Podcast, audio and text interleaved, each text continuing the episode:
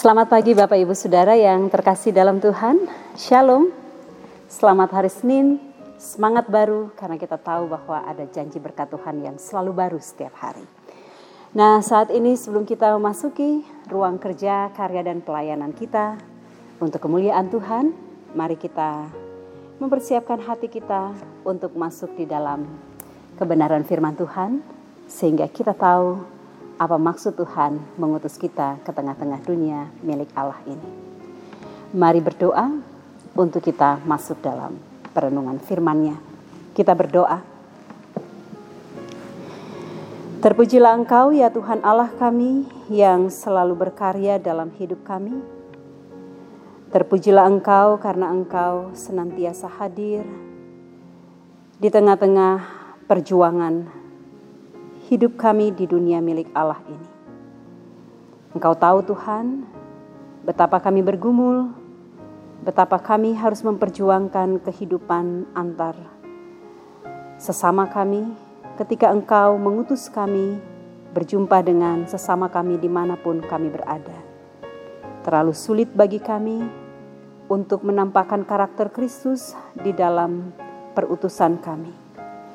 Tetapi kami yakin ketika kami memberikan hati kami untuk rela ada di dalam proses Tuhan, ada di dalam pembentukan Tuhan, maka kami semua akan senantiasa dimampukan oleh Tuhan untuk bisa menampakkan wajah Kristus dalam hidup kami dan semua orang mengalami berkat, mengalami sukacita dan damai sejahtera. Karena itu Bapa, saat ini kami rindu Engkau bersabda, Engkau berfirman. Hati kami sudah kami persiapkan untuk ditabur benih firman-Mu. Di dalam nama Tuhan Yesus yang adalah firman yang hidup, kami berdoa dan bermohon. Amin. Bapak, Ibu, Saudara yang terkasih dalam Tuhan, Sivitas Akademika Universitas Kristen Satiwacana. Saat ini kita akan membaca Injil Yesus Kristus menurut kesaksian Markus pasal 15 ayat 1 sampai ayatnya yang ke-6. Markus pasal 15 ayat 1 sampai ayatnya yang ke-6.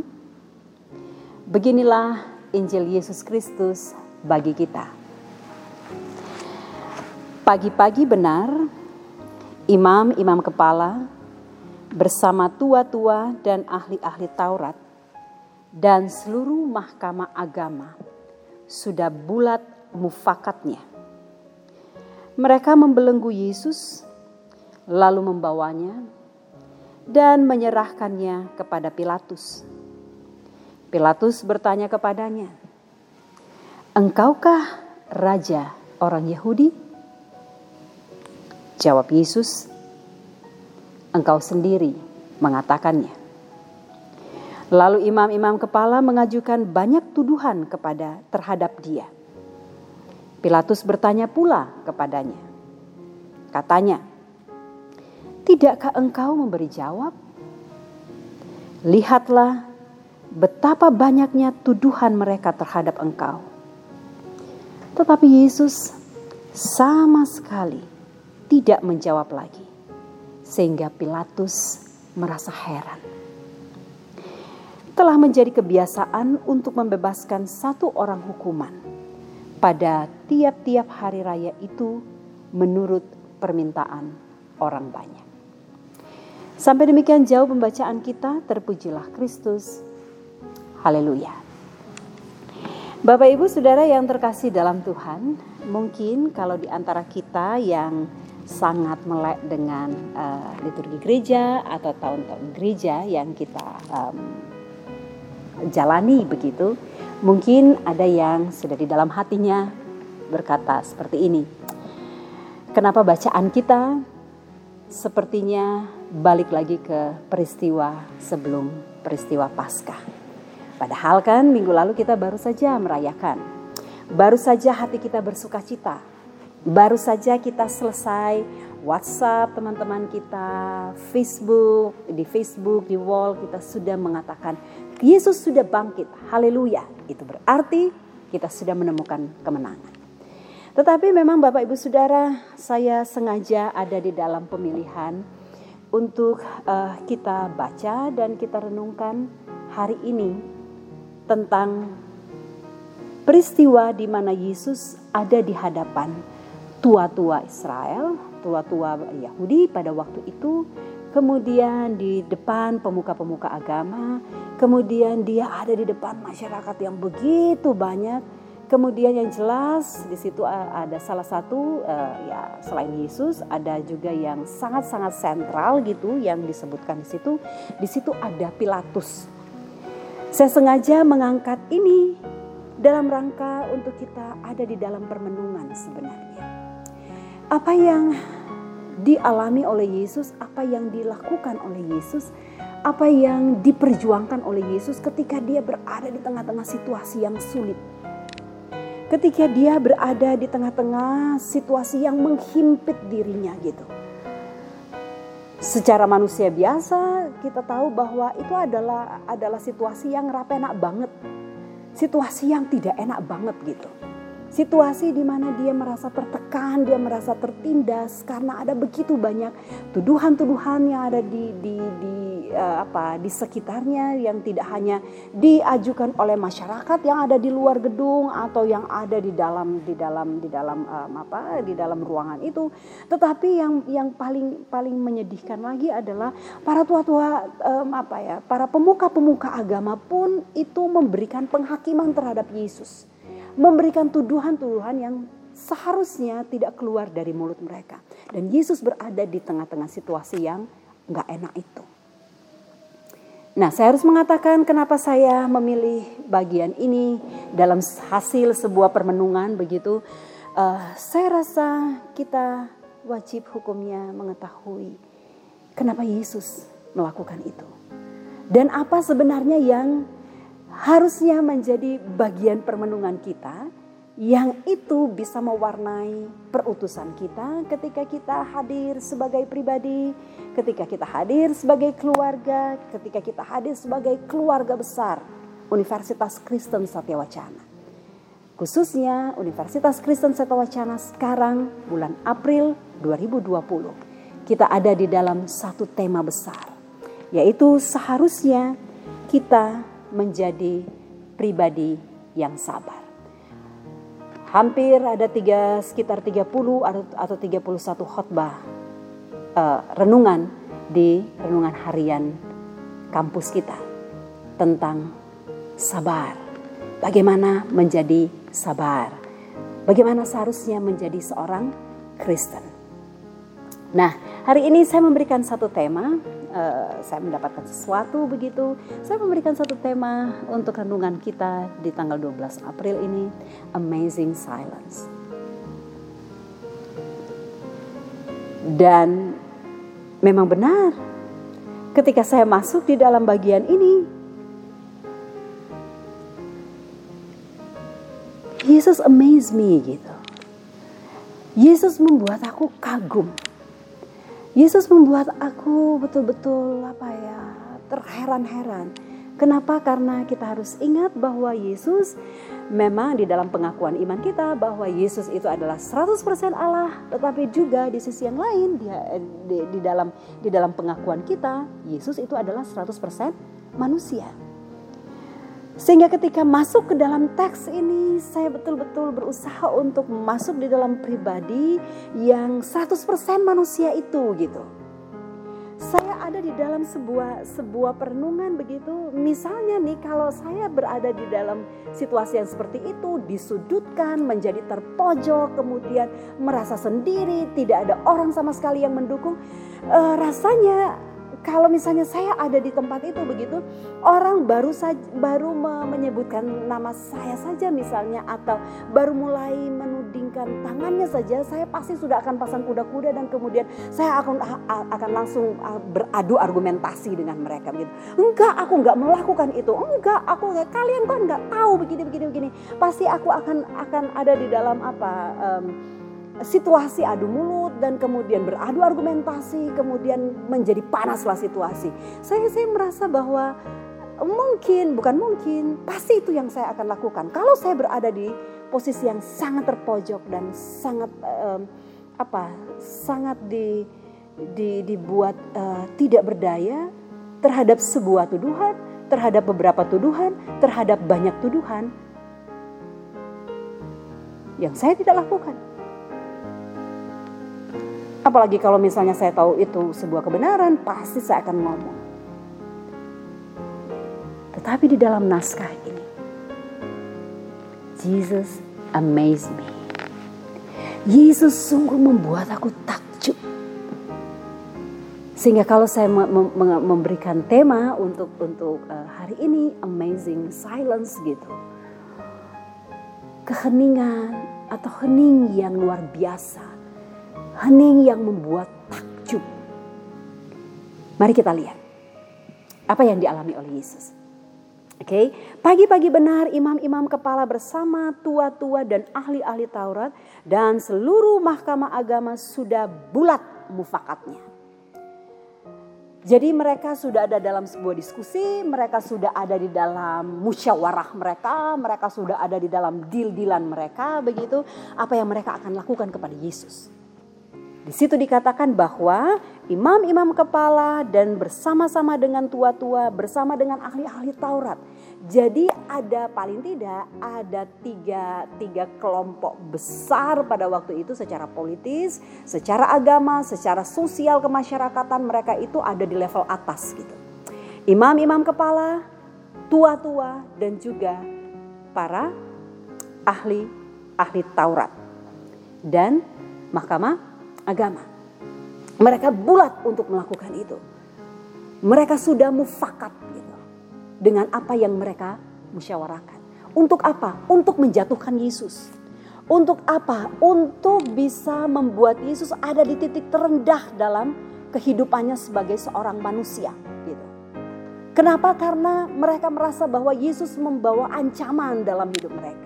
Kenapa? Karena dengan kehadiran Yesus itu berarti eksistensi mereka sebagai orang-orang yang ada di level itu. Uh, takutnya banyak orang yang tidak lagi percaya kepada mereka dan yang jelas ketika uh, ada ada ada pemberitahuan, ketika ada orang-orang yang mengatakan bahwa oh dia itu adalah guru, dia itu adalah rabi, dia itu adalah Tuhan dan dia itu adalah raja di atas segala raja, mereka merasa bahwa secara politis mereka terancam posisi mereka.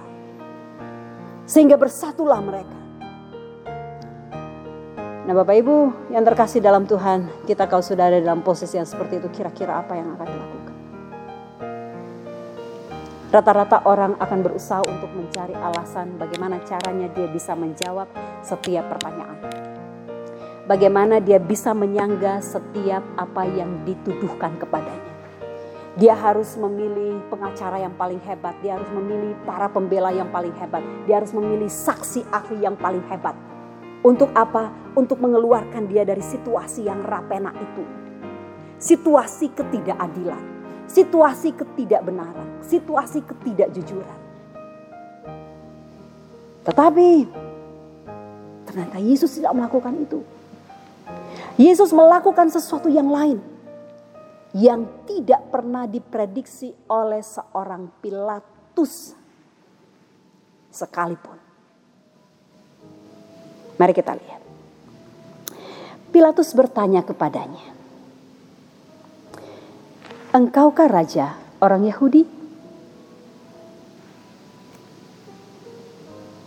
Jawab Yesus, "Engkau sendiri yang mengatakannya." Bapak Ibu kalau sudah pernah uh, nonton The Passion of Christ gitu, Bapak Ibu pasti sudah lihat betapa tenangnya.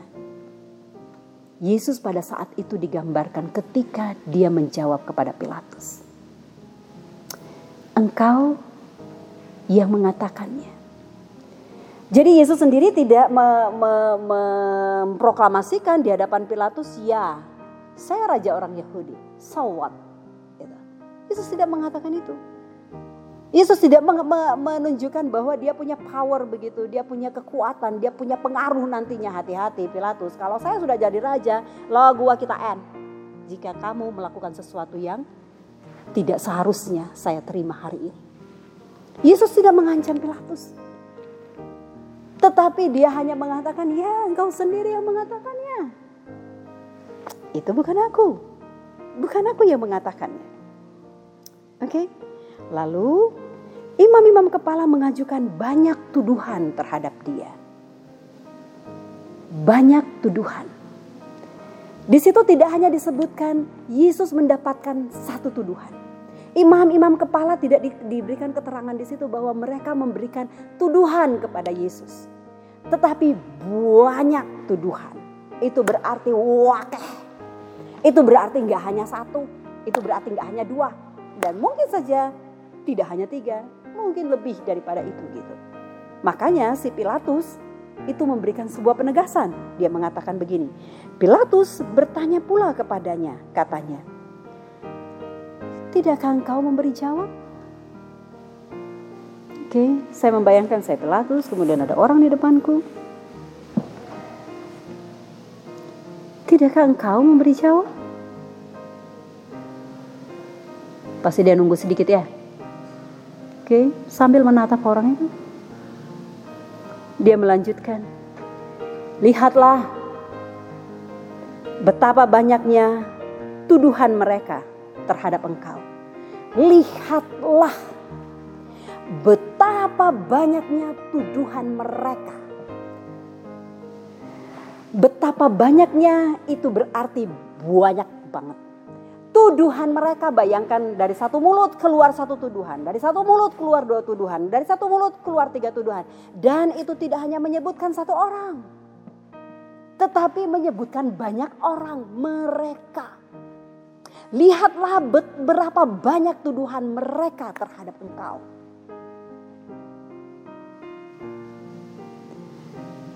Saya ketika berusaha untuk masuk di dalam teks ini, di sini saya lumayan merasa sesek gitu. Saya membayangkan betapa betapa uh, kedirian saya ini betul-betul ditelanjangi dengan sebuah kesalahan atau banyak kesalahan bukan atau uh, dengan banyak kesalahan begitu yang saya tidak lakukan tetapi saya dalam keadaan yang betul-betul sendiri. Tidak ada orang yang melihat aku tidak ada orang yang membela aku tidak ada orang yang berempati dengan aku begitu. Aku bisa membayangkan betapa kerdilnya hari hari itu gitu. Betapa kerdilnya saya betapa kerdilnya sisi kemanusiaan Yesus begitu di hadapan mereka dan dia nothing pada akhir.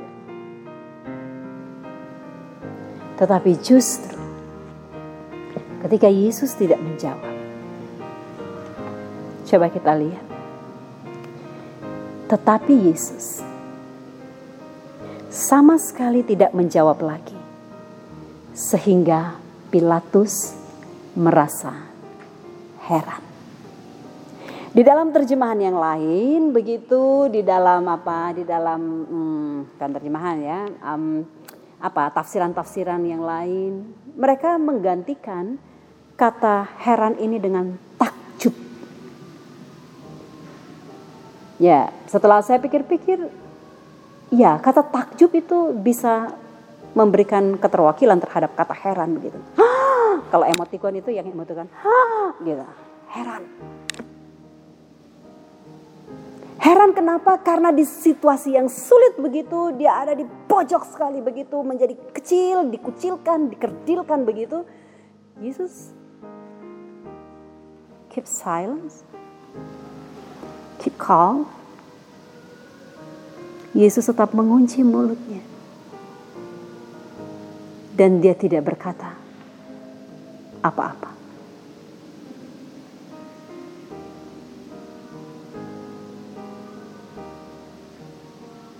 Ini adalah perwujudan dari nubuatan Nabi Yesaya. Dalam Yesaya pasal 53 ayat 7. Dia dibawa ke pembantaian. Sama seperti anak domba.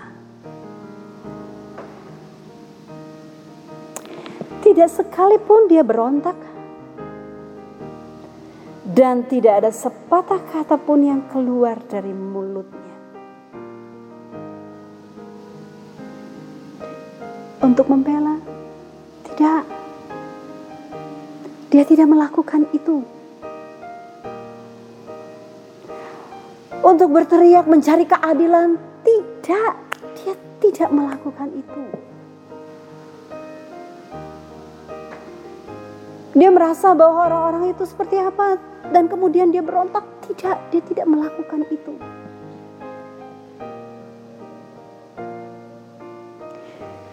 Yesus memberikan sebuah penggenapan terhadap cerita, terhadap nubuatan, terhadap rancangan keselamatan yang dilakukan oleh Allah. Untuk mendamaikan siapa? Kita mendamaikan siapa dunia ini dengan apa? Dengan Allah yang sudah menciptakan kita dengan rancangan baiknya. Dan Yesus sama sekali tidak pernah mengatakan tidak untuk rancangan Allah itu. Kenapa? Karena dia tahu ada agenda besar ketika ia harus mewujudkan nubuatan. Dia adalah Mesias. Ada seorang teolog mengatakan seperti ini, sebenarnya Yesus memberikan memberikan contoh begitu. Sebenarnya Yesus memberikan uh, teladan kepada manusia bahwa ketika kita menjadi kawanan domba milik Allah gitu. Oke, ketika kita menjadi kawanan domba milik Allah di mana Yesus adalah gembala yang agung, kita seharusnya memiliki ciri-ciri kehidupan sebagai domba. Begitu. Ciri spiritual sebagai domba. Apa itu? Go with the flow. Mengalir bersama dengan agenda Tuhan dalam hidup kita. Kita mengalir bersama dengan rancangan Allah dalam hidup kita. Ada orang yang mengatakan bahwa oh saya sering sekali tidak tidak bisa mengendalikan diri saya begitu. Apalagi kalau misalnya orang itu sudah ngoceh di depan saya kemudian dia meng, mengatakan sesuatu sing buatan-buatan yang tidak-tidak. Kemudian uh, dia menghasut orang dan kemudian saya saya nggak bisa tahan saya nggak bisa melakukan sesuatu yang yang di luar dari dari apa yang harus saya lakukan yaitu saya harus ngomong, saya harus bicara.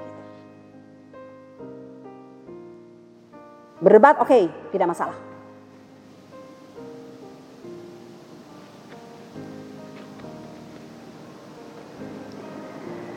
Amazing silence yang ditunjukkan oleh Yesus di hadapan Pilatus itu dalam rangka untuk penggenapan janji Tuhan. Nah, paling tidak untuk tahun ini kita baru saja melewati Passover. Kita baru saja melewati Paskah. Kita menghayati bahwa anak domba Allah itu sudah dikorbankan. Dan yang jelas kita sebagai gereja saat ini itu juga disapa sebagai domba-domba. Kita juga itu disapa sebagai pribadi yang derek Gusti Yesus gitu. Jangan pernah mengatakan bahwa uh, ya karena saya manusia saya tidak bisa bersabar, saya tidak bisa mengendalikan diri, saya masih punya kedagingan, saya masih punya ego, saya punya ini dan seterusnya dan seterusnya. Saya masih punya kepentingan dan seterusnya dan seterusnya. Aku tidak mampu, aku bukan malaikat. Memang betul kita ini bukan malaikat tetapi kita adalah domba. Kawanan domba tuntunan tangannya. Inilah yang dikatakan di dalam kitab kejadian. Kita ini adalah imago Dei Imago Dei nggak hanya secara fisik kita ada ada orang yang mengatakan ya karena karena kita kita adalah imago Dei ya secara fisik kita sama seperti Allah. Oke okay deh, oke okay, itu tapi bukan itu um, inti dari imago Dei. Imago Dei itu kita menjadi imago Dei karena Allah meniupkan rohnya kepada kita sehingga kita memiliki sifat-sifat Allah begitu sehingga tidak ada kata tidak kita harus rela berproses dengan segala sesuatu semua peristiwa yang terjadi dalam hidup kita semua model orang yang berjumpa dengan kita kita membentuk karakter kita menuju karakter Kristus di dalam kesempurnaannya Yesus memerintahkan kepada kita, Yesus berfirman kepada kita bukan bukan uh, sebuah firman yang dia tidak lakukan begitu. Dia melakukannya. Silent yang seperti apa? Bukan berarti pun kita akan lueh gitu.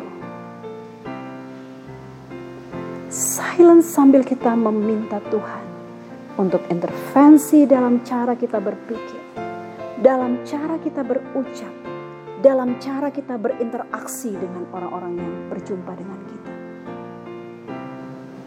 Caranya bangun kehidupan spiritualmu yang berkualitas dengan Allah. Kehidupan doamu, kehidupan doaku. Seberapa besar firman Tuhan menjadi panduan dalam hidup kita? Berkontemplasilah dengan Tuhan. Buat daftar, buat list begitu. Sudah seberapa besar saya betul-betul intens dengan Tuhan. Dan seberapa besar aku melakukan firman-Nya.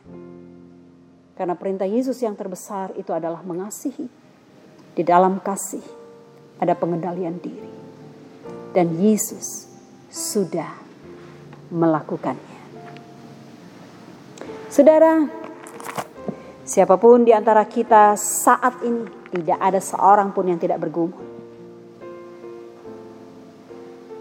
Tapi bukan berarti kita tidak mengucap syukur dalam segala hal atas setiap proses yang Tuhan izinkan dalam hidup kita. Kita bergumul karena memang hidup harus diperjuangkan.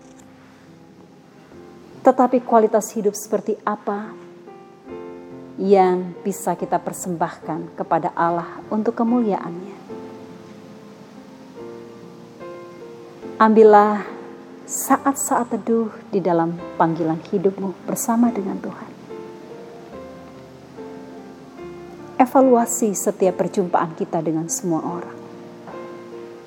Apakah kita sudah mengaktifkan roh pengendalian diri sehingga kita menjadi pribadi yang lebih sabar, lebih tekun, dan lebih berani untuk menatap masa depan bersama dengan Tuhan. Saudara, biarlah perenungan kita di tanggal 12 April 2021 ini akan mewarnai perjalanan hidup kita.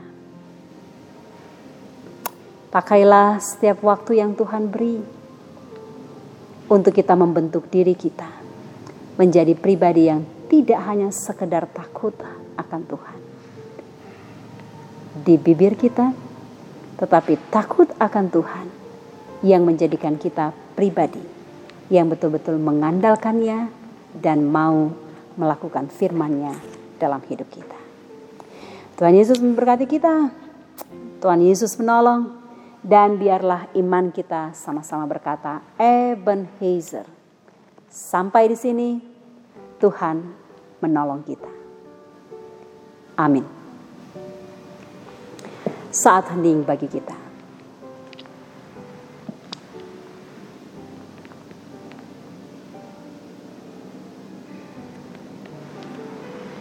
Bapak Ibu Saudara yang terkasih dalam Tuhan, mari kita bersatu hati untuk masuk dalam doa syafaat dan syukur serta permohonan kita. Kita berdoa.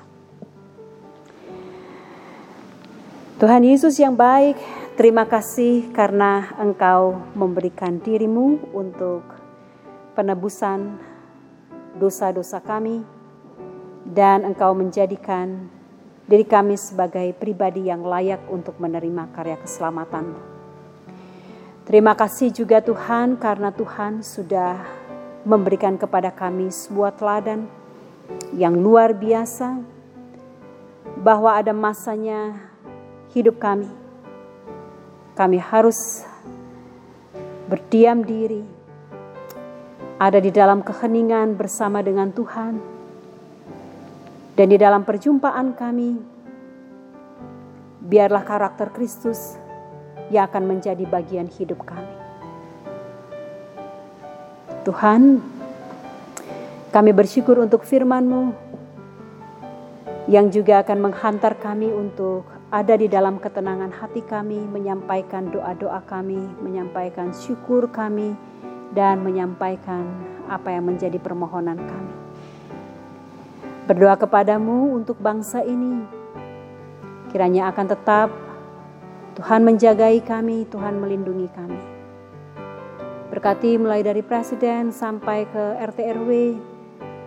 Ada begitu banyak bencana, termasuk ada pandemi, termasuk ada kekerasan, karena ada intoleransi di sana.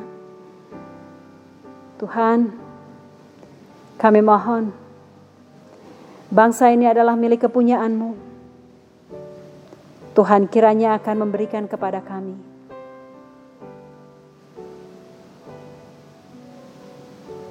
hikmatmu, sehingga bersama dengan pemerintah, kami sebagai masyarakat, kami bersinergi untuk menghadirkan kedamaian di mana pun Tuhan mengutus kami. Kami berdoa kepadamu Tuhan untuk penanganan pandemi COVID-19.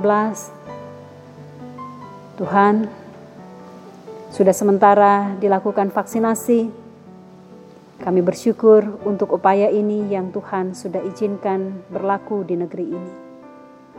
Biarlah semuanya akan berjalan lancar sesuai dengan kehendak-Mu dan seluruh masyarakat akan mendapatkannya. Tetapi Tuhan, ajar kami untuk tetap disiplin dengan protokol kesehatan, sehingga kami menjadi agen yang bisa memutus mata rantai COVID-19 ini. Kami bersyukur karena kami sebagai UKSW pun terlibat aktif di dalam pemutusan mata rantai ini. Kami rindu, kami peduli terhadap mereka yang memberi diri, yang ada di garda depan, mereka yang terpapar dan mereka yang terdampak karena COVID. Tuhan ajar kami sebagai kampus ini, sebagai gerejamu, untuk tetap peduli dan untuk uh, proaktif bisa memberikan keteladanan di tengah-tengah perutusan kami. Terima kasih juga Tuhan karena Engkau memberkati UKSW dalam seluruh tugas panggilannya.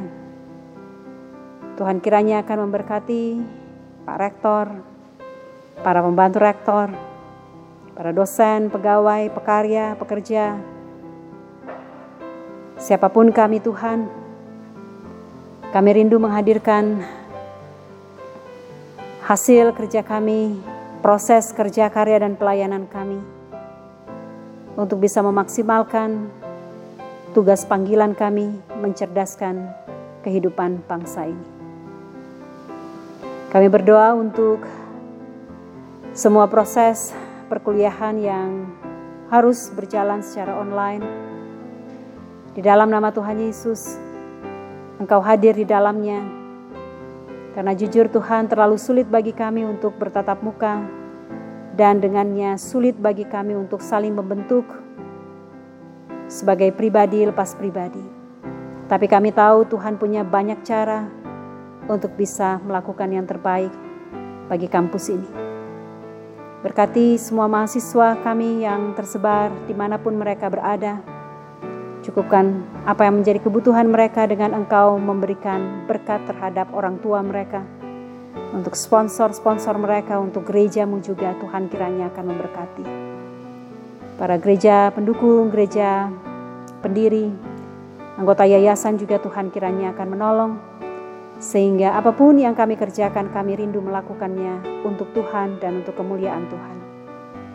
Terima kasih Bapak, terima kasih Engkau kiranya memberkati Salatiga, sehingga di kota yang sejuk, kota yang damai ini, kota yang memiliki toleransi yang tinggi ini, UKSW hadir untuk bisa menjadi berkat bagi kemuliaan Tuhan. Terima kasih Tuhan.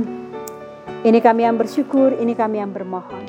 Kami menyerahkan sepanjang minggu kerja, karya dan pelayanan kami hanya ke dalam tanganmu yang penuh kasih, karena kami yakin Engkau bekerja dengan agendamu, Engkau bekerja di dalam rancanganmu.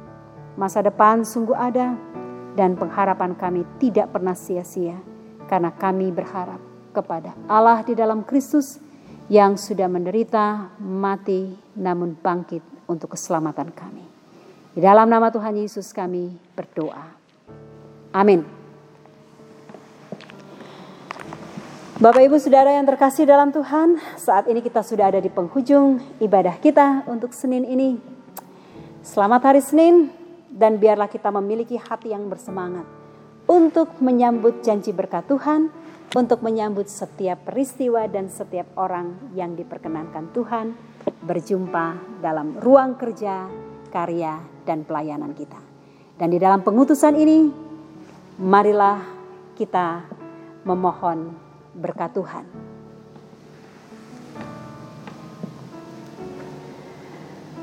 Tuhan memberkati engkau dan melindungi engkau. Tuhan menyinari engkau dengan wajahnya dan memberi engkau kasih karunia.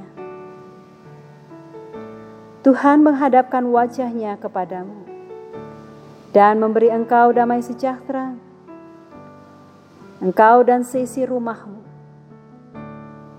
Kita di dalam perutusan kampus ini. Dan ke mana pun ia mengutus kita, kini, selalu, dan sepanjang segala masa. Amin.